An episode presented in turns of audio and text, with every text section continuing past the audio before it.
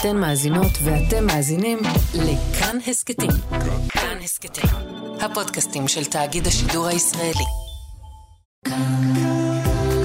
כאן תרבות מתחילה מההתחלה. יום שידורי מיוחד עם הרגע שבו הכל התחיל. ועכשיו, גואל פינטו עם רגעי התהילה הראשונים של אומני ישראל. גם כן תרבות, עם גואל פינטו.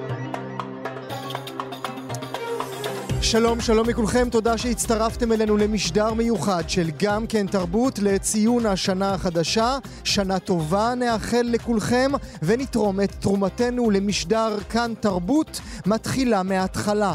ארבעה יוצרים, שתי נשים ושני גברים, האחת זמרת, השני שחקן, השלישית סופרת, הרביעית צלם, שחוזרים איתנו אל הרגע ששמם הפך שגור בתרבות הישראלית. הזמרת דקלה על הרגע הרגע בו שמעה לראשונה את שירה בוקר טוב ברדיו.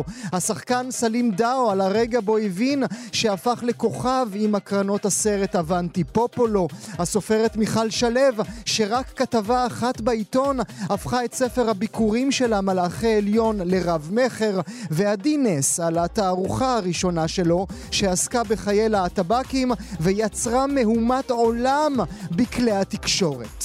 עורך המשדר אייל שינדלר, על ההפקה נועה רוקני, בצוות התוכנית ענת שרון בלייס, אבי שמאי ובר בלפר. אנחנו מתחילות. גם כן תרבות. זה היה בשנת 2000, יום קיץ חם, ואני ברכב עם כמה חברים, נוסעים לקטוף כמה שעות של שקט על חוף הים. הרדיו ניגן שירים, החלל היה מלא בצחוקים, ולפתע נשמעו צלילים שכמותם לא שמעתי אף פעם בעברית. מוסיקה ערבית בשפת הקודש. לא רק אני, כולנו השתתקנו, הקול שבקע מן המקלט לא אפשר אחרת. הזמרת ששרה דרשה את תשומת הלב המלאה של כולנו. היא דרשה וקיבלה.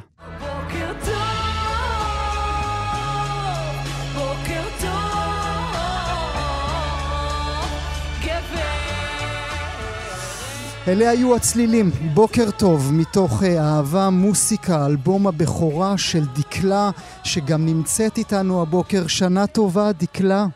היי, hey, שנה טובה. בוקר טוב, מה שלומך? אני חושב על אם המוסיקה הזו והשיר הזה עשה לי את מה שעשה כששמעתי אותה לא ראשונה, מה הוא עשה לך כששמעת אותו פעם ראשונה ברדיו? וואו, תראה, האמת היא שזה ריסק אותי. במובן הטוב של הדבר, אתה יודע, עבדתי על האלבום הזה מאוד מאוד קשה, ו... ועשיתי הכל למען זה שהוא יצא, אני גם זוכרת איך כתבתי את השיר הזה. קחי mm, אותנו. כן, אה, באר שבע, צהריים, אה, שתיים, שלוש בצהריים, אנחנו גרים בשכונה מסוימת, ואח שלי היה גר בשכונה אחרת. ומהבית של אח שלי לבית של ההורים שלי, הלכתי ברגל, היה חם מוות, אבל... Uh, התחלתי לזמזם את השיר הזה, בוקר טוב, זה מה שיצא לי, mm. בוקר טוב, גברת. ואת הדבר הזה, אמרתי, טוב, אני אלך כמה שיותר, לא הייתה תקופה של uh, של, שאני אוכל להקליט בפלאפון, או משהו מהסוג הזה. אז אמרתי, אני אלך ואלך כדי שחלילה לא... לא תברח לך המלודיה. המנגין, כן.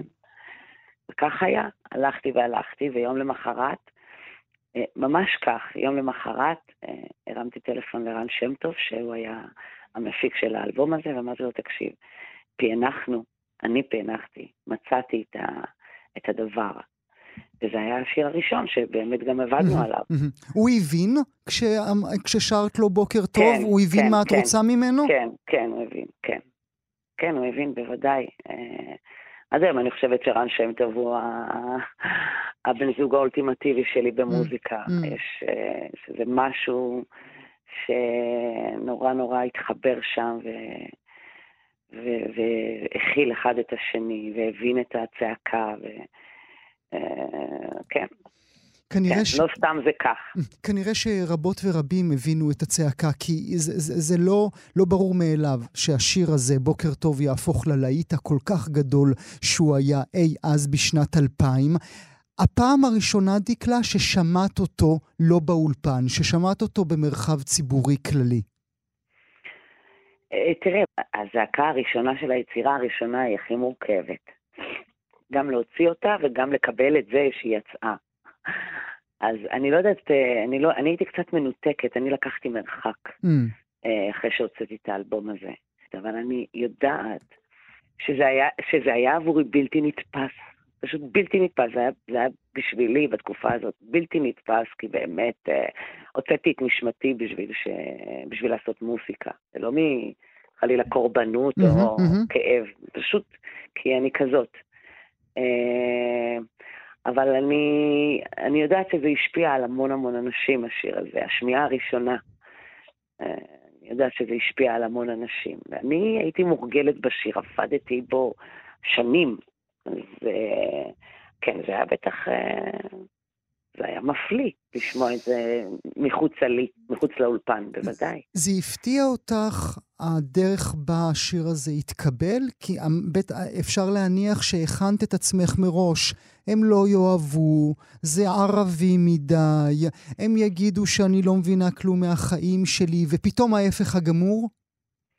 לא, זה הקטע ביצירה הראשונה, אני כל הזמן מחזירה אותנו לזה. כשעשיתי, כשכתבתי את אה, אהבה מוסיקה, את האלבום, אני לא, לא חשבתי לרגע על ביקורת הקהל, mm. קטע. Mm. אתה לא חושב על, על mm. הביקורת. אתה לא עובד בתוך איזשהו מתחם שיפוטי או לעומתי, אתה פשוט uh, משרבט מה שיש לך על הדף.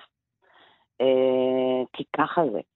כי אין דרך אחרת ליצור. אני לא, לא סירסתי את עצמי ולא לא היה, לי, לא היה לי בכלל את האופציה לחשוב על איך הקהל ירגיש. חשבתי רק על מה אני חייבת להוציא. Mm-hmm. זה היה אגואיסטי מאוד, אבל זה הדבר. ו... וזה, גם, וזה גם היה לי התענוג, כי הייתי בחופש מוחלט. היום אני פחות חופשייה ממה שהייתי אז. Mm. היום אני חושבת מה הקהל יגיב, mm. איך הקהל יפרש אותי. Mm. אז הייתי נורא נורא בוסרית, ואתה יודע, לא, לא התייחסתי לזה כאל עסק כלכלי, או, או יאהבו, לא יאהבו, הפינה לשיפוטכם, זה לא, mm. זה לא עבר שם. מה שחשוב זה שאני מגשימה את עצמי, ואני כותבת, ואני מלחינה, ואני שרה, ואני עושה, ו... כך שזה מאוד מורכב. אה, בהגדרה העצמית שלך, דקלה, את uh, זמרת, אומנית, ש... אה, נלחמה כדי להצליח, בוודאי. או סינדרלה שהצליחה? לא, בהגדרה לא, לא. העצמית. נלחמה מאוד. עד היום, מה זה נלחמה? מה זה להצליח? אתה יודע, זה שאלות גדולות, ואתה יודע, כותרות גדולות, אבל שתחתם מסתתרים המון המון רבדים של המון דברים. מה זה הצלחות? מה זה, אתה יודע. אני עד היום נלחמת, לא... עד היום אני עובדת מאוד קשה כדי להצליח. אה, אני לא מתרפקת על שום שיר, או שום mm. הצלחה, או mm. שום להיט. אין רגע שאני אומרת, הנה הגעתי, זה לא קיים. אה, וברוך השם שכך. אה, אני עובדת מאוד קשה, אני מאלה שהיו, ששמו מה שנקרא את הכל על השולחן, קודם כל. Mm-hmm. את כל חיי שמתי בשביל לעשות מוזיקה, כי, mm. כי זה היה הכרח, אין, אה, אין אופציות, אין, זה, היה כזה דחוף שאין אין עם מי לדבר, וגם היום. אני עובדת מאוד קשה בשביל, אה, אתה יודע, בשביל לייצר להיט, בשביל שכמה שיותר אנשים אה, יקשיבו לו, וזה לא, זה לא עניין של mm-hmm. מה בכך. אני עוד לא, עוד לא, אני עוד לא נרגעתי. זה שווה את זה? תראה, אומרים שכל מה שהשגת ייקחו ממך בסופו של דבר. אה, היורשים שלך. אני לא יודעת, תראה, מה זה, זה שווה עם זה. אתמול העליתי את אום כלתום. ובאה אישה קטועת רגליים. היא לא יצאה מהבית איזה ארבע-חמש שנים. Mm. והיא באה לראות אותי ולשמוע אותי. Mm. היא לא יצאה מהבית, היא באה בשביל זה. היא אמרה לי, דקלה, אם לא היית את, הייתי יושבת עוד חמש שנים בבית. הוצאת אותי לשעה וחצי. זה שווה את זה. Mm.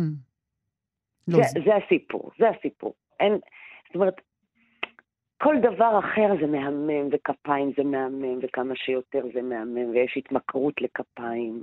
זה לא עניין של מה בכך. יש, יש איזה משהו, זה, זה, זה סם, זה סם סמוי שמתמכרים לו ולא יודעים, אבל מתמכרים לו. אבל המקומות האלה שבהם מסמסים לי ש, ש, ש, שאנשים עם הפרעות בבתי חולים, אנשים פה, אנשים שם, מבקשים לראות אותי, מבקשים לשמוע אותי כדי לעזור להם להחלים או להבריא. אה, אנשים שבאים לראות אותי שהם לא מרגישים טוב ובאים לראות אותי, אלה הדברים שבהם אני מתנחמת ואני אומרת, אה, בשביל זה אני ממשיכה, כי כי כן, כי זה, זה גם לשמח, אבל אה, גם לעודד וגם, ל, ל, ל, וגם להוציא מאנשים את הכאב שלהם. זה לא רק אני משמחת את עם ישראל, mm. זה לא המקום. Mm. המקום הוא לתת לאנשים אה, אה, ביטוי לרגשות שלהם ולכאב ולשמחה לחיים, למה שאתה יודע, למה שצריך. אז כן, כן, יש, יש תגמול בעבודה שלי, ברוך השם, יש תגמול, וזאת הצלחה. Mm. הצלחה זה התגמול, אתה יודע, הדברים הקטנים. אבל אם הייתי נותן לך, דקלה, את האפשרות לדלתות מסתובבות, לבחור mm. אחרת, לא לשבת uh, בבית של, uh, uh, של מאיר אזולאי, הצלם, uh, ולהאזין איתו למוסיקה, uh, uh, אלא להיות... אה, שדרית ברדיו דרום, להיות עורכת דין אה, בבאר שבע. לא היית בוחרת אחרת? תראה, אני חושבת שהאופי שלי הוא של אישה מורכבת. אני חושבת שכל דבר שהייתי בוחרת, הייתי סוחבת אה, אליו את עצמי, שזה מורכב. לא הייתי יכולה להימלט מהמורכבות שלי. Mm. זה דבר ראשון. אבל כשאני מסתכלת על הדברים, כשאני עכשיו סתם דוגמה על הבת שלי, האם אני, אם הייתי יכולה לבחור עבורה. האם הייתי בוחרת עבורה שהיא תהיה זמרת? לא. לא. המתח הבלתי נסבל הזה,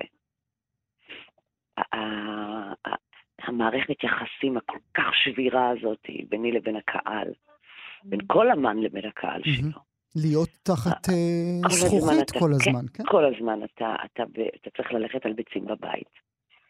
אתה לא, אני, בגלל שאני לא הולכת על ביצים בבית, אז יש יותר מתח. כי אני לא אישה ש, שמתנחמדת או מתחנפת, או, או אתה יודע, אה, או הילדה הטובה הקטנה, גם לא הרעה, אבל יש לי את מה שיש לי ואני לא מוכנה, אתה יודע. אז זה מתח, זה mm-hmm. יוצר עוד יותר מתח. עכשיו, יש עוד מתח. שאני זאת שכותבת את השירים. Mm-hmm. זה לא, אני לא יכולה להפיל את זה על מישהו, השיר שהוא כתב לא טוב. ואני. אז הביקורת וה... וה... וה... והנזיפה העצמית, ויחד עם זה הכפיים לעצמי, וה... וה... אתה יודע, אתה עולה לגדולה, אתה יורד לכ... לכמה שיותר נמוך, אתה... זה כל הזמן הפערים האלה, הכתבים האלה. העבודה האמיתית, האמיתית האמיתית בעיניי, היום, אחרי המון המון שנים של עבודה, זה למצוא את האיזון. להבין שכשאתה מצליחה? מצליח... כן, אני פחות או יותר, אה, אתה יודע. עד כמה שאת יכולה. היא, כן, ההבנה היא שכשאתה מצליח, אז זה לא לעולם חוסן, mm-hmm. תירגע, אתה לא יכול לאחוז בזה. אתה לא יכול לאחוז בזה. תשמח שתי דקות, ותרד מהר, תעמוד כאילו ישר בשוויון נפש מול עצמך. וגם כשאתה למטה, תירגע, זה לא... זה לא, אל, אל תאחוז בזה, תכף זה יכול להתהפך. איזה מין אימא את? אה, אוהבת. מאוד אוהבת. לא, זה, זה, זה ברור מאליו, זה לא, את לא צריכה להגיד. לא, זה לא ברור מאליו. זה לא ברור מאליו. אני אימא שמקריבה המון בשביל הילדה שלי. המון. חרדתית, דאגנית. גם חרדתית וגם דאגנית. אה, אה, את חיי, אין לי, אני לא, אני לא יודעת איזה אימא אני. אני בטח גם עושה הרבה טעויות, אני... אני, אני, אני באמת, אה, נותנת את המיטב שבי. את שיא הפוטנציאל שבי, אני נותנת לה. מה שלא נתתי אף פעם ב- ב- ב- ביחסים עם, עם, עם זולת, אתה יודע. יהיה מעניין לראיין אותה בעוד 20 שנים ולשאול אותה איזה מין אימא הייתה דקלה. באמת מעניין, באמת מעניין לשאול אותה. דקלה, אני רוצה להודות לך גם על השיחה הזו, גם על בוקר טוב תודה האגדי לך, משנת פינטו. תמיד 2000. כיף לי לדבר איתך, תמיד. אני מרגישה שיש מי שמקשיב, זה מעניין.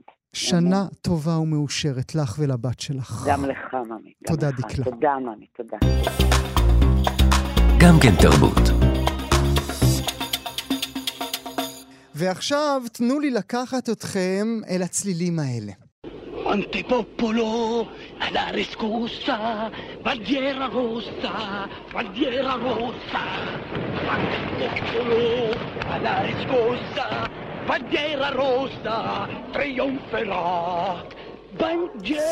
זיהיתם, נכון? כולכם אה, זיהיתם. לפני 35 שנים נולד פרויקט גמר קולנועי שהפך לאחד מהסרטים החשובים והמשפיעים בתולדות הקולנוע הישראלי. בליבו שני חיילים מצריים טועים בשלהי מלחמת ששת הימים במדבר סיני. כל מה שהם מבקשים זה לחצות את תעלת סואץ ולהגיע הביתה בשלום. זה היה סרט ששבר מיתוסים וסטריאוטיפים. חייל מצרי שעומד במרכז הנרטיב מי היה מאמין, ועוד כזה שיש לו שם, יש לו פנים, יש לו זהות, הוא אפילו הומני, לא חיית אדם, וכולנו כצופים מזדהים איתו. את הסרט ביים רפי בוקאי, שבשנה הבאה אנחנו נציין 20 שנים לפטירתו, ואת חאלד, הדמות הראשית בסרט, שיחק האורח הבא שלי. סלים דאו, שנה טובה. שלום לך. אני שמח שאתה נמצא איתנו הבוקר. אתה עוד זוכר את המילים של השיר שאנחנו שומעים ברקע? אמנטי פופולו, בוודאי. זה היה. רגע משמעותי בשבילך, נכון סלים?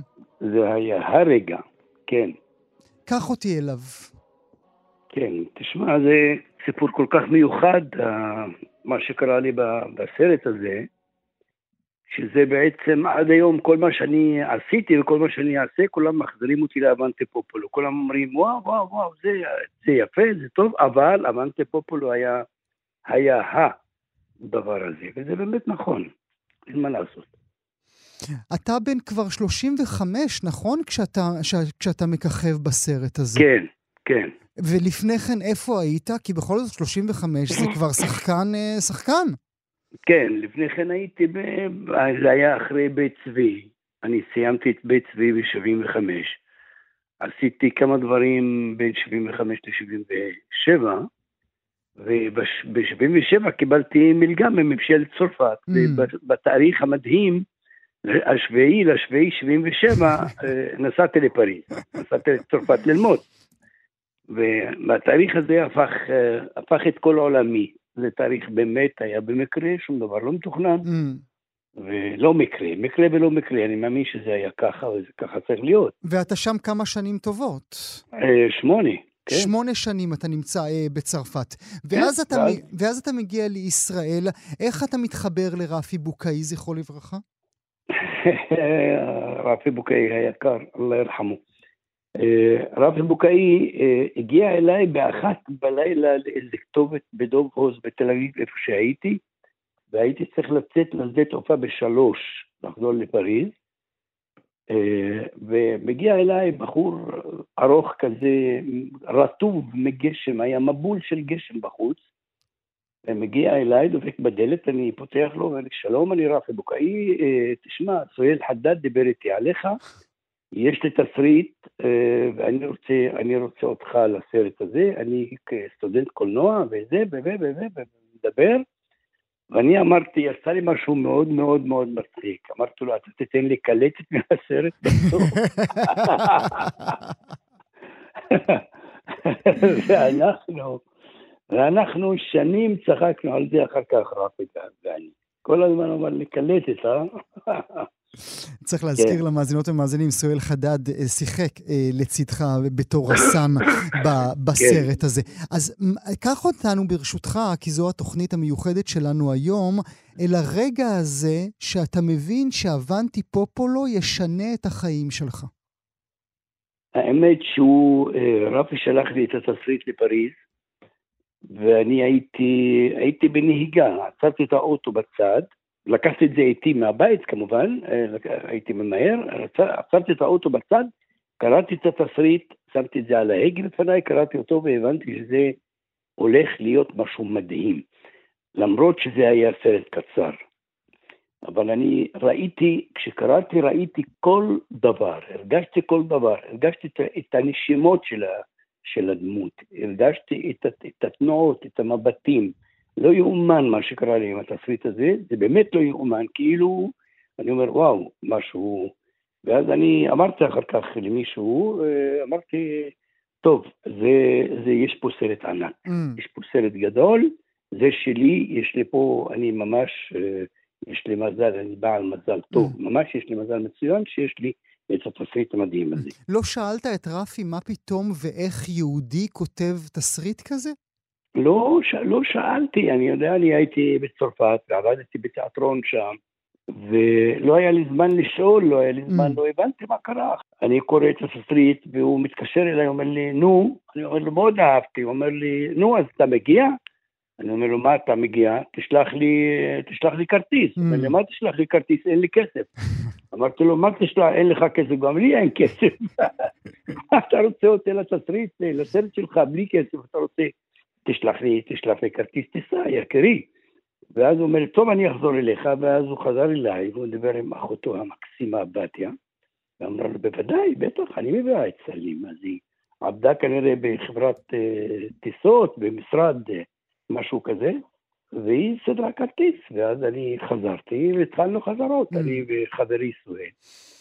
קח אותי, קח אותי סלים כן, אל ההקרנה כן. הראשונה. כשאתה צופה בסרט, לא לבדך, לא עם הבמאי, לא בחדר עריכה, אלא עם כן. קהל. כן. אה, קודם כל אני אקח אותך רגע לפני זה, אני ראיתי רש"י עם רפי, ואני אמרתי לו, אני לא אוהב מה שאני עושה, הוא אומר לו, אתה מטומטם לגמרי, הוא אומר לי. אמרת לו, אני לא אוהב. אני אומר לו, אני לא אוהב מה שאני עושה. הוא אומר לי, תגיד לי, אתה מטומטם לגמרי? אתה עושה משהו מדהים, לך מפה, לך.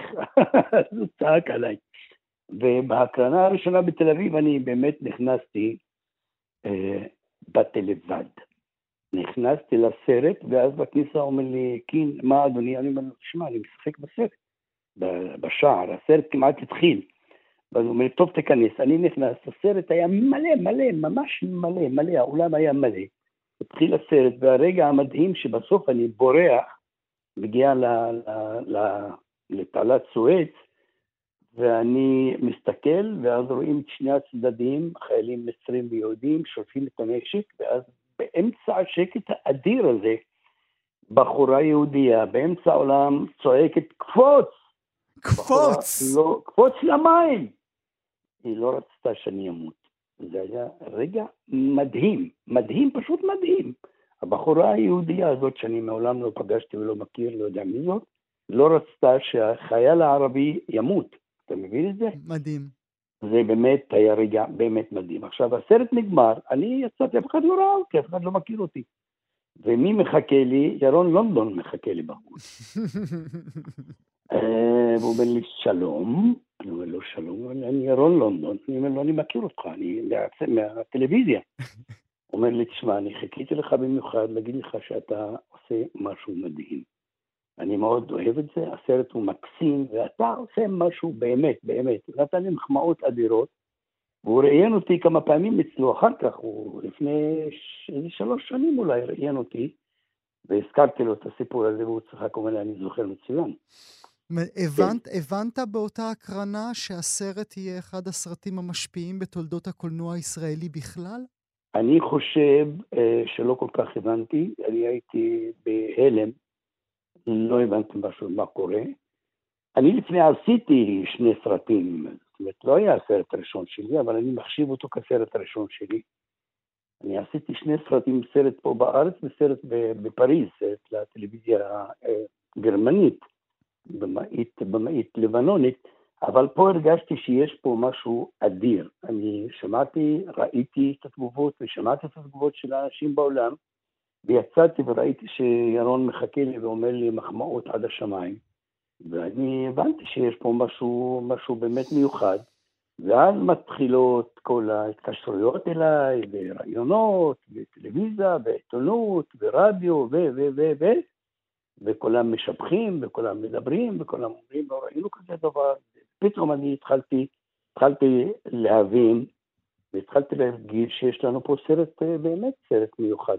עכשיו ככה שלמאזינות ולמאזינים, הרי זה היה סרט קצר mm-hmm. בהתחלה. Mm-hmm. ובאימפרוביזציות המטורפות שסוהל ואני עשינו, כי אנחנו היינו בבית צבי ביחד ומאוד אהבנו לעבוד ביחד, ועשינו כל הזמן צחוקים ביחד, והשתוללנו במה שעשינו שם, אימפרוביזציות, ורפי האדיר הלך הביתה וכתב סצנות. Mm-hmm. והסרט הפך להיות פיצ'ר.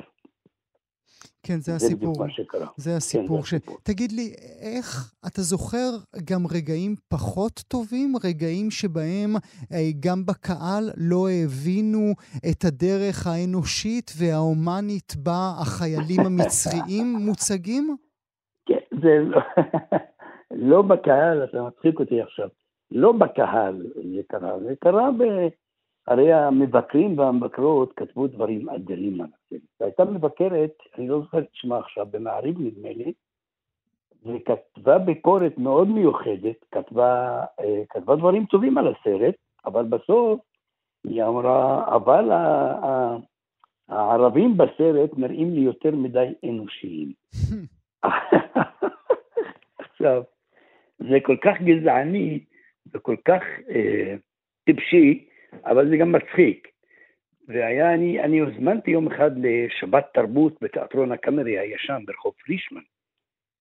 ואני עליתי על הבמה ואמרתי, חבר'ה, אני חייב להתחיל במשהו, קודם כל להזהיר אתכם ממני, כי אני יותר מדי אנושי, אז תזהרו ממני. ואז היו מחיאות כפיים אדירות וצחוק אדיר באולם. כן, אז אני לא אומר שהיה לא, לא נעים, אני באמת אף פעם לא חשבתי שזה לא נעים. זה פשוט הצחיק אותי, ואמרתי, יו, אלוהים, הגזענות הזאת עד כאן, זה לא יאומן.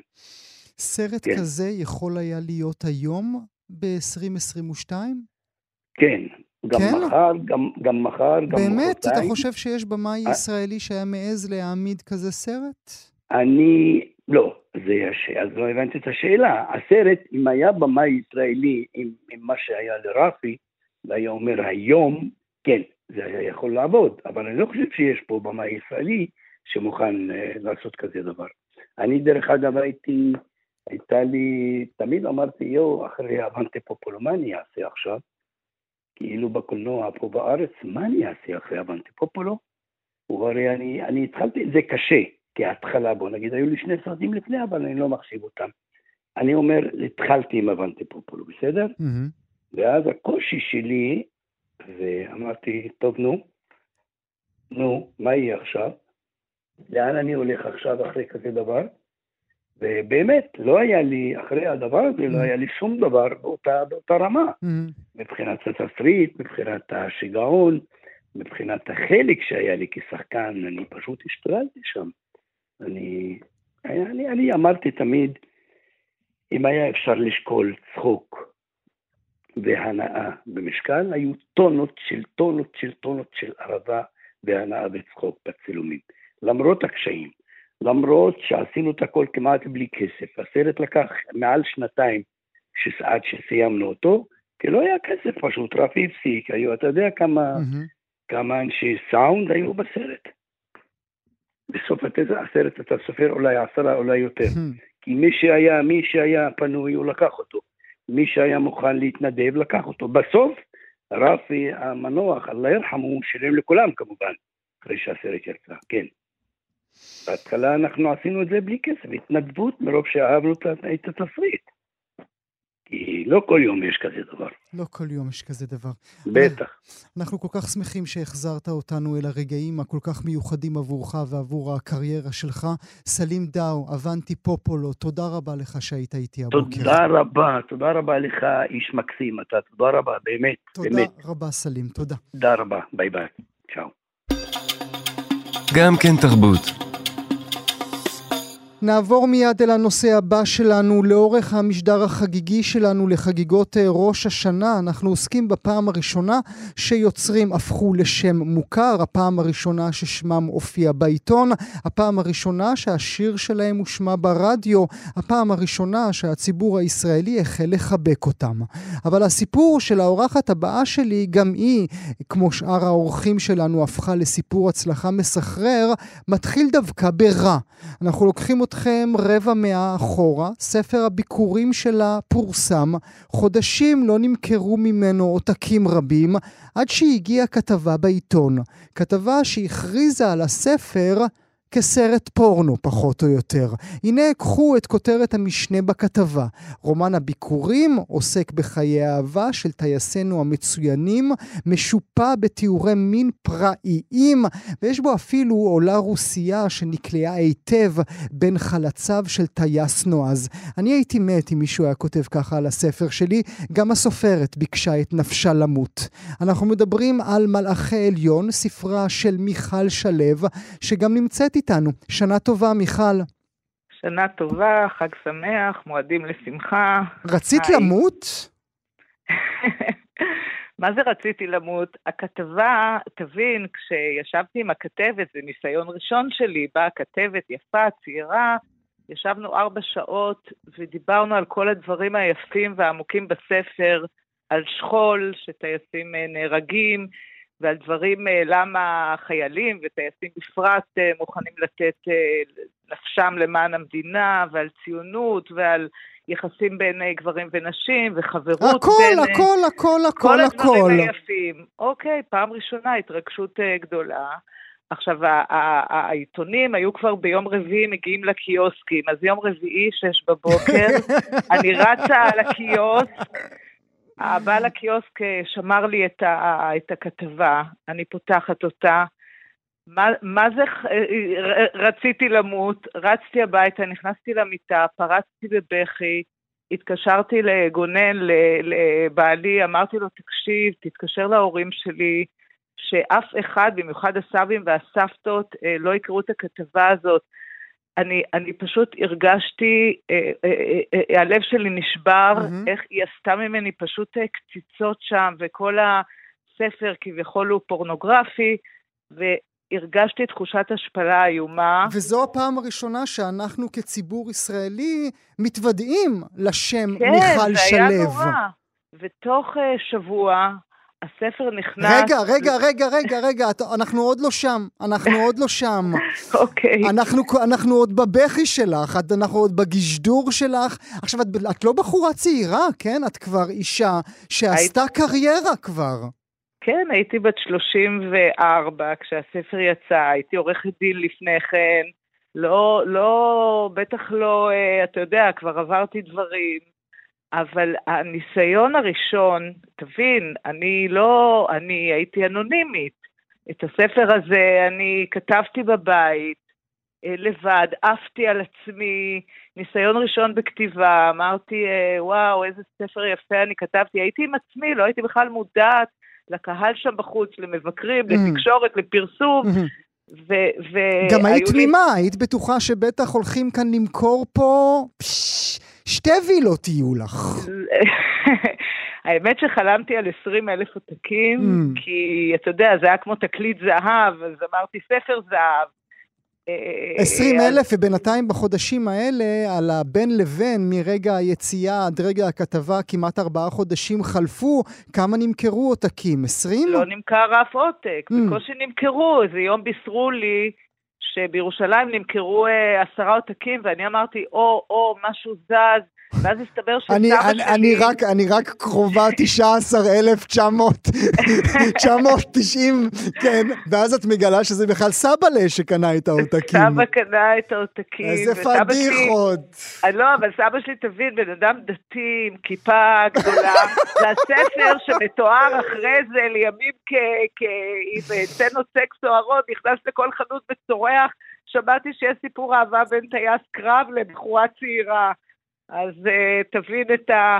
אבל אף עותק לא נמכר. והכתבה הזאת בשבילי הייתה בעצם הדרך אה, להגיע לקהל, כי אף אחד לא הכיר אותי. אז אני, כשבאה הכתבת, ששמה אה, דנה מודן, כן. אה, שלימים התפרסמה מהמם. כמפיקה, מהמם. במאית, שחקנית וכולי, הציפייה שלי הייתה אה, שככל שאני אהיה יותר נחמדה אליה והכנתי בורקסים, ואתה יודע, ככה הייתי לכתוב עליי דברים יותר טובים. אז זה לא עובד ככה. לא, זה לא עובד ככה. יצא לך במהלך השנים לפגוש את דנה מודן ולהגיד לגברת מה עשית לי? פעם אחת הייתי בלונדון והזמין אותי לארוחת ערב, לשולחן גדול, דרך איזה ידיד, אותי ואת אה, גונן, והיא ישבה שם, והיא ישבה בקצה האחר של השולחן, והיא לא פנתה אליי ואני לא פניתי אליה. תקשיב, היא, היא, היא, זה לא היה בסדר. מעניין, מעניין, ממני, מעניין. אבל, יודע, אבל, היא עשתה ממך, עשתה ממך קציצות, אבל. אבל מישהי פה, וזה לא אני, צריכה להגיד תודה לדנה מודן. מה זה תודה? אז אני- הנה, זה הזמן שלך.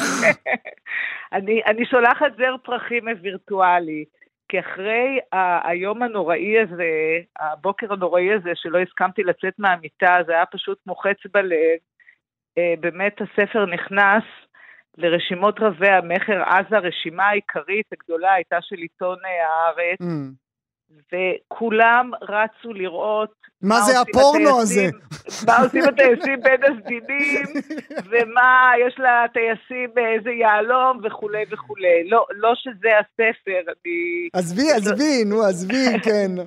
אבל, אה, אבל לא, גם יש בו, אתה יודע, איזה שתי אה, סצנות יותר חושניות, זה. לא שזה לא נמצא בספר. אבל אה, אה, למלאכי עליון יש את מועדון המעריצים שלו, אבל היא עשתה לי שירות טוב, איך אומרים, מאז יצא מתוק. כמה הוא נמכר מאז שהוא לא נמכר?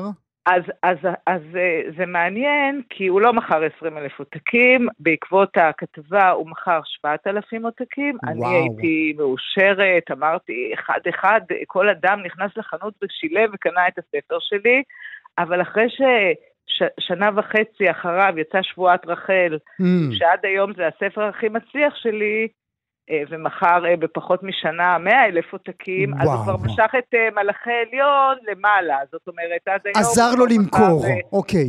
עד היום הוא כבר מכר בטח גם מספרים של עשרות אלפי עותקים Mm. רבים.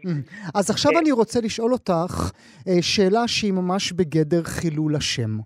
מה עדיף, להיות סופרת שמוכרת 100 אלף עותקים, או סופרת שמחכה לכתבה הראשונה שתצא אודותיה? אה, תראה, יש את הטוהר והבראשיתיות והתמימות שאת אה, עם עצמך ועם היצירה ועם החלומות ועם מה שמרגש אותך ומעניין אותך ואת אה, מנותקת לגמרי מהקהל. זה המקום הכי טהור ויפה ו- וגורם אושר. אבל אה, אני לא, אני בטח לא, אבל אין, אה, אין סופר, זאת אומרת, מישהו שהוא בנפשו הוא סופר שלא רוצה שכמה שיותר אנשים מהמם. יגיעו ליצירה שלו, וזה משאת נפש, אז בסופו של דבר, אני, אני כותבת, אה, מנסה לכתוב הכי טוב שאני יכולה, אבל אהבת הקהל מהמם. זה, זה אהבה שאי אפשר לוותר עליה. מאז, אה, נדמה לי עשרה ספרים, נכון? כל אחד, כן. אה, כל אחד מהם הצלחה מאוד מאוד מאוד יפה. איפה את שמה בעצמך, בהיררכיה שלך, את מלאכי עליון שעליו אנחנו מדברים עכשיו? את מלאכי עליון זה כמו, זה כמו, זה, זה דווקא הספר הראשון שלי, אבל זה בשבילי קצת כמו בין אה, זקונים. אמ, שזה, זה, אתה יודע, אני אוהבת את כל ספריי ומחוברת אליהם, אבל יש ספרים אה, זו הייתה ההתנסות הראשונה שלי ברומן, הוא יותר אפילו רומן רומנטי מהספרים האחרים שלי. את יודעת מה, את אמרת את המילה כך שאני רגוע להשתמש בה גם אני. עד כמה את מרגישה בנוח עם תואר מלכת הרומן רומנטי, אה, מישהי הכירה לנו סוגה שלא הכרנו קודם, מישהי שתמכור מאות אלפים אבל אף פעם לא תהיה מועמדת לספיר. עד כמה את מרגישה בנוח בתוך, ה, בתוך הקרקע הזו?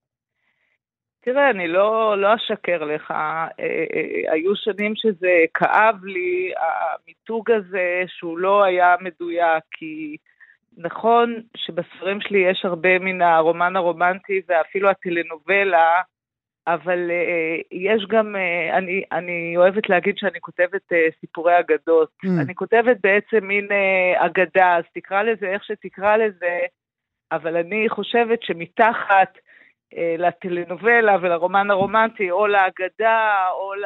יש גם uh, דברים uh, הרבה יותר עמוקים. חלק מהקהל מתחבר לזה, mm. המבקרים והממסד הספרותי פחות, הם די, אה, אני מרגישה שהם די, אה, איך אומרים, אה, בזים או מתעבים או וכולי, אבל בסדר, עד היום? יודע. עד היום?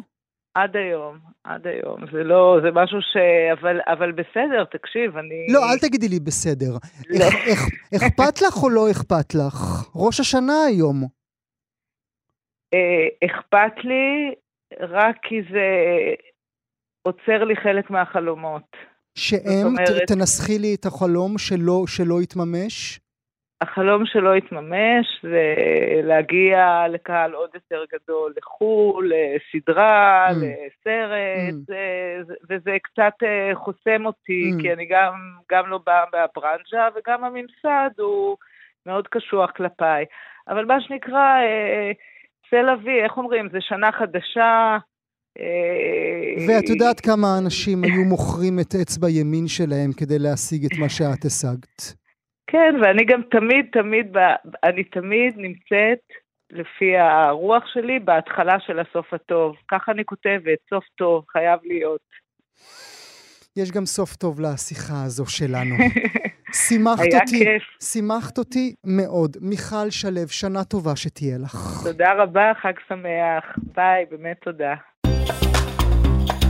גם כן תרבות. מצחיק להתבונן בדרך בה כלי תקשורת דיווחו אך לפני רגע על תופעות שעבורנו נראות היום ברורות מעליהם. ניקח אתכם עכשיו אל 1992, רק 30 שנים עברו, אל עיתון ידיעות אחרונות שמדווח בפליאה על חיים להטבקים עשירים המתקיימים במדינות שמעבר לים. את המילה גאים הם שמים בכתבה במרכאות. הכתבה עסקה בעבודת אומנות שיצר אומן צעיר, שרק הרגע יצא מלימודי אומנות שלו, ושהפנה את המצלמה אל עצמו ואל חייו כאומו. לימים אותו אומן יהפוך לאחד מהאומנים הישראלים המצוינים והמצליחים, שהעבודות שלו יוצגו במוזיאונים הגדולים בעולם, שימכור בסכומים שלא הכרנו עד שהוא הגיע. אנחנו מדברים כמובן על עדי נס. ברוח המשדר המיוחד שלנו, ערב ראש השנה, אנחנו נחזיר את עדי נס אל העבודה הראשונה שחשפה את שמו לראשונה לציבור הישראלי. חג שמח, עדי. חג שמח, גואל, איזה הקדמה, היה כיף לעבור 30 שנה בשבילה. אני נורא שמח שאתה נמצא איתנו. האם אתה זוכר את הכתבה ההיא? האם אתה זוכר לומר לנו במה היא עסקה? זוכר את זה כאילו זה היה אתמול. אמ, אני, זה, זה התחיל בעצם בתקופת לימודיי בבצלאל, אה, צילמתי שערים של, אמ, טוב, סטודנטים, מגזין פיאטון קראו לזה אז, של האוניברסיטה, והם תמיד היו פרובוקטיביים, אז איכשהו השיח שלי עם התקשורת אה, מדי פעם עלה, אבל זה היה סביב התמונות ולא סביב עצמי. וכשסיימתי את בצלאל נורא רציתי אה, לטוס לחוץ לארץ, עד אז מעולם לא הייתי בחו"ל, גם שנים כאלה. וסיימתי את בצלאל, יחד איתי למדה אה, צלמת אה, בשם אה, נעמי טליסמן, שעם השנים היא הפכה להיות גם זוכת האוסקר בסרט דוקומנטרי, mm-hmm. חיה היום בסן פרנסיסקו.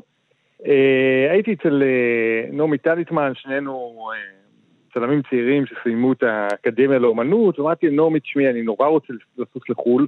ראיתי איזו מודעה בעיתון על קרן אנגלו-ישראלית שמחפשת רעיונות, הצעות מסטודנטים לפרויקט שמתס... לפרויקטים שמתעסקים בצמיחתם והתפתחותם של ארגונים יהודיים בלונדון אחרי מלחמת העולם הראשונה ועד מלחמת העולם השנייה.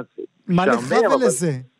כן, ואז אמרתי לה, תשמעי, בואי נכניס את המילה הומו-לסבית, זה יהיה מעניין. נגיד להם, אנחנו רוצים לתעד את התפתחותם וצמיחתם של הארגונים ההומו-לסביים היהודיים בלונדון בין המלחמות. היא אמרה, וואלה, שרון בן עזר חברה שלי, נמצאת בלונדון, היא תעזור לנו עם התחקיר. אליוט. אליוט, כן. אה, אכן, אה, כתבנו הצעה די מרשימה, אה, מבוססת על התחקיר שאליוט שלחה לנו קשרים עם אנשים וטלפונים, כבר ידענו בדיוק מה אנחנו רוצים לעשות שם. זכינו בפרס של אותה קרן אנגלו-ישראלית, אבל היינו שני צלמים והפרס היה קטן. הבנו שאנחנו צריכים תוספת תקציב, הגענו ל... כי יש, יש כסף רק לכרטיס אחד, כן. נכון, נכון. הגענו לוועדת הפרויקטים של uh, משרד החינוך, uh, אז היה אותו משרד, החינוך והתרבות, היא אישרה את הפרויקט, אמרו שהבטיחו לנו שייתנו לנו כסף, ורק יעבירו את זה בוועדה לאומנות פלסטית. אלא שבוועדה אה, לאומנות פלסטית הבקשה שלנו לתוספת תקציב נדחתה. אה, אמירות שהיו בתוך הוועדה היו מאוד מאוד הומופוביות אה, על, ה, על הזהות של הצלמים שביקשו את הכסף, והטיעון הרשמי של הוועדה היה שהפרויקט הוא יותר חברתי מאשר אומנותי. Mm. זה איזה מין אה, תירוץ כזה מאוד משונה ל... לומר על פרויקט דוקומנטרי שהוא יותר חברתי מאשר אומנותי, במיוחד כששני האנשים שמבקשים הם בוגרי בית ספר לאומנות. אה, עם האמורות ההומופוביות האלה חיינו מאוד מאוד לא בנוח, אה, הדלפנו את זה לעיתון. אה, כל כך הדלפתם את זה לעיתון, יש לי אפילו כאן גזיר עיתון של ידיעה שכתב איציק יושע, כאן מאצלנו, מכאן תרבות, מגיש חלון גאווה, שמדווח על, על הוועדה לאומנות פלסטית שדוחה את ההצעה שלכם. כן, אה, שוב צריך לזכור את, ה, את הרקע של אותם שנים, אה, המצב של הקהילה הגאה היה שונה לחלוטין ממה שזה היה היום. זה היה לפני שבוע הגאווה הראשון, אה, נושאים הומולסבים בכלל לא סוקרו ולא דוברו כמעט בתקשורת, ואם כבר הוצג משהו שקשור לנושא, או, או רעיון בתקשורת עם, עם הומו, אז הוא תמיד היה חבוש בפאה ומשקפי שמש. זה היה איזה מין נושא ככה... מאוד אה, מוקצה, וההתייחסות אליו, לכל העניין ההומו-לסבי, היה מאוד מאוד... אה, אה, כאילו לא, לא, mm-hmm. פשוט לא הרגישה בנוח. כן, לחשוב, לחשוב, לחשוב שרק 30 שנים עברו, וכל כן. כך הרבה דברים השתנו. בסיכומו של דבר, אותה ועדה... ועד... זה נותן תקווה ש, שבעצם מציאות משתנה בזכות פעולתם של, אה, של יחידים. כי mm-hmm. מה שקרה בפועל, נעמי ואני אה, טסנו ל, ללונדון, עדיין עוד לא ידענו ש, שהוועדה תהפוך את החלטתה. בארץ קמה אה, מהומה זוטה בגין האייטם הזה של אה, איציק יושע. יוסי פרוסט, שהיה אז מנכ"ל משרד התרבות, שולמית אלוני הייתה שרת התרבות hmm. והמדע. הם, הם לחצו על הוועדה לאומנות פלסטית, ובסופו של דבר אישרו לנו את ה... את הבקשה להשלמת פרויקט בשעה שאנחנו ב- בלונדון. הפרויקט אה, אה, צולם, אלא שקרה איתו משהו מאוד מעניין. הגענו ללונדון, התחקיר של שרון בן עזר היה, של אליוט היה אה, מצוין, אבל בעצם אנחנו רצינו לצלם חיים יהודיים הומוסקסואליים בלונדון, והגענו לקהילה שאומרת, לאנשים שאומרים, אני אומנם הומו ויהודי, אבל אני לא מרגיש בנוח להצטלם כהומו, או אני הומו ויהודי, אני לא מרגיש בנוח להצטלם כ... יהודי, או אני הומו ויהודי, אבל אני בארון ואני בכלל לא יכול להצטלם, או כל מיני, לא הצלחנו בעצם לצלם את האנשים שאותם רצינו אה, לצלם, כמעט ולא הצלחנו. ואז בסופו של דבר מה שעשינו זה צילמנו את עצמנו, אמרתי נעמי, תשמעי, אנחנו מצלמים פרויקט אה, Jewish Gay Life בלונדון, אנחנו Jewish, אנחנו גיי, אנחנו בלונדון, אז בואו נצלם את עצמנו. ונוצרו מזה שני פרויקטים. כשחזרנו לארץ, התערוכה הרשמית של הקרן האנגלו-ישראלית הציגה את, את המעט שהצלחנו לצלם את האנשים מהקהילה הלונדונית. התערוכה בתל אביב של כמה אובסקורה הציגה בעיקר את נעמי ואני בתוך הבתים של האנשים, במטבחים שלהם, בסלון שלהם, מככבים במקומם, והפרויקט הזה הוא, אני חושב שההצלחה שהוא גם מוצג אחר כך בתערוכה במוזיאון תל אביב, ועם השנים הוא גם הציג מדי פעם. אה, אני חושב שההצלחה שלו זה שזה, ש, שהיא דיברה בעצם על, ה, על המקום של המתעד, או של, ה, mm. או של האאוטסיידר, האם כשאתה אה, מגיע עם מבט מבחוץ ואתה רואה קהילה, אה, עד כמה היא אה, קהילה בזכות זה שאתה רואה אותה ב point of view שלך, עד כמה דברים קיימים, אה, מה אתה רואה שאחרים לא רואים, דברים שרואים מכאן לא רואים משם. אה, הפרויקט הצליח, אה, עמנואל ברקדמה בשבעה ימים כתב כתבה אה, גדולה אה, על נעמי ועליי, ואני חושב שהכוח של הפרויקט הזה גם היה, ומצחיק, קראתי לכתבה אתמול, וכאילו ביקר אותנו על זה שלא היה בתמונות איברים חשופים, או, או פרובוקציה הומואירוטית, אבל בעצם אני חושב שהכוח שלנו היה אז, ש... ואני חושב שבגלל זה הפרויקט הזה אמ, זוכרים אותו כי, כי הוא הראה, הוא הראה אינטימיות של מטבחים ולא אינטימיות של חדרי mm-hmm. מיטות. הוא אמר, הומואים הם כמוני וכמוך, אין בנו שום דבר אה, צבעוני במיוחד, או חשוף במיוחד, לא בהכרח, אתה יודע, יש גם כאלה, אבל, אבל יש מקום לכולם, וגם המיינסטרים הוא, זה, זה, זה בסדר. Mm-hmm. זאת אומרת, אה, נתנו איזושהי דוגמה של הומו ולסבית שנראים כאחד האדם, כן, בלי איזה... גם סתם בחור צעיר מקריית גת יכול להצטלם במטבח באמצע נכון. לונדון. בכלל העשור...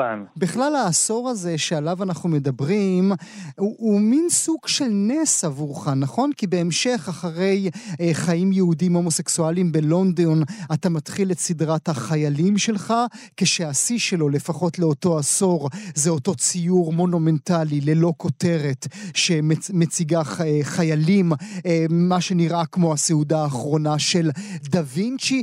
אתה זוכר את העשור הזה באהבה, או יש לך איזה שהם אה, מריבות איתו?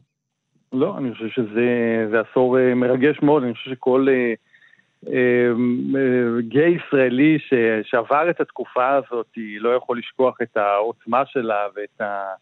ואת הייצוגים השונים שעלו בחיי התרבות באותם ימים, את הספרים שקראנו, את, את עוזי אבן מתראיין בכנסת, בכלל הפרויקט של החיילים והסעודה האחרונה, הם עלו גם מתוך הדבר הזה שהקהילה הגאה אז שהתחילה להתרקם בארץ עברה, לא לחינם השתמשתי בדמות של החיילים ובאמצעותם הראיתי את ה...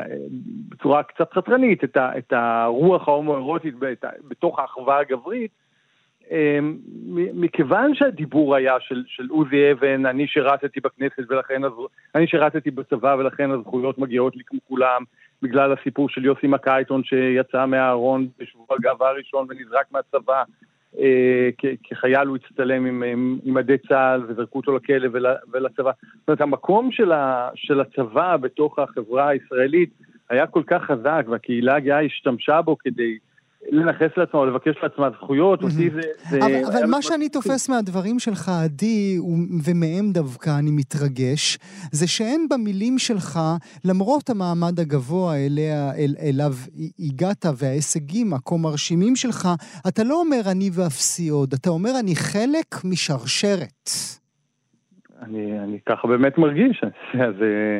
אני חלק משרשרת, אני גם, גם בתוך האומנות שלי, זאת אומרת, העובדה שאני מצטט יוצרים אחרים, ו, והיום אני מצוטט, זה, זה, זה שרשרת, זה... בעולם התרבות אנחנו אף פעם לא, כמעט אף פעם לא ממציאים משהו מאפס ולא משנים את העולם אה, והופכים אותו לחלוטין, אנחנו עושים עוד מעשה קטן במציאות שאולי נוגע ב, בלב של מישהו ו, ומניע שם משהו שגורם לו להיות אחר. יפה. והיום אה, מילה לסיום, כאשר אתה מתבונן באותם אה, צילומים של אז, 1992, העין של הצלם מכה בך? אתה אומר, הייתי עושה את זה אחרת? זה בוודאי, אז אני אומר על כל תמונה שיצרתי אי פעם, גם על הסעודה האחרונה שלי יש לי הרבה מאוד ביקורת, אבל זה נשאיר ל...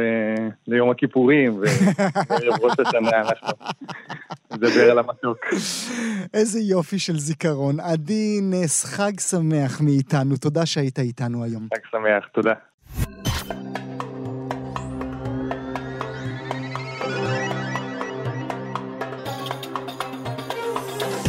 זהו, הגענו לסיומו של המשדר המיוחד של גם כן תרבות לציון השנה החדשה. מה אאחל לכם? שנה טובה, שרק תחייכו, שתקראו, שתצפו, שתלמדו. שנה טובה ממני ומעורך המשדר אייל שינדלר, מנועה רוקני שהייתה על ההפקה ומכל כל כל אנשי צוות התוכנית, ענת שרון בלייס, אבי שמאי ובר בלפר. שנה טובה.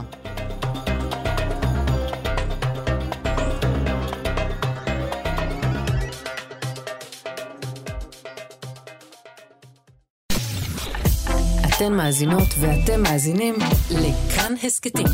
כאן הסכתים, הפודקאסטים של תאגיד השידור הישראלי.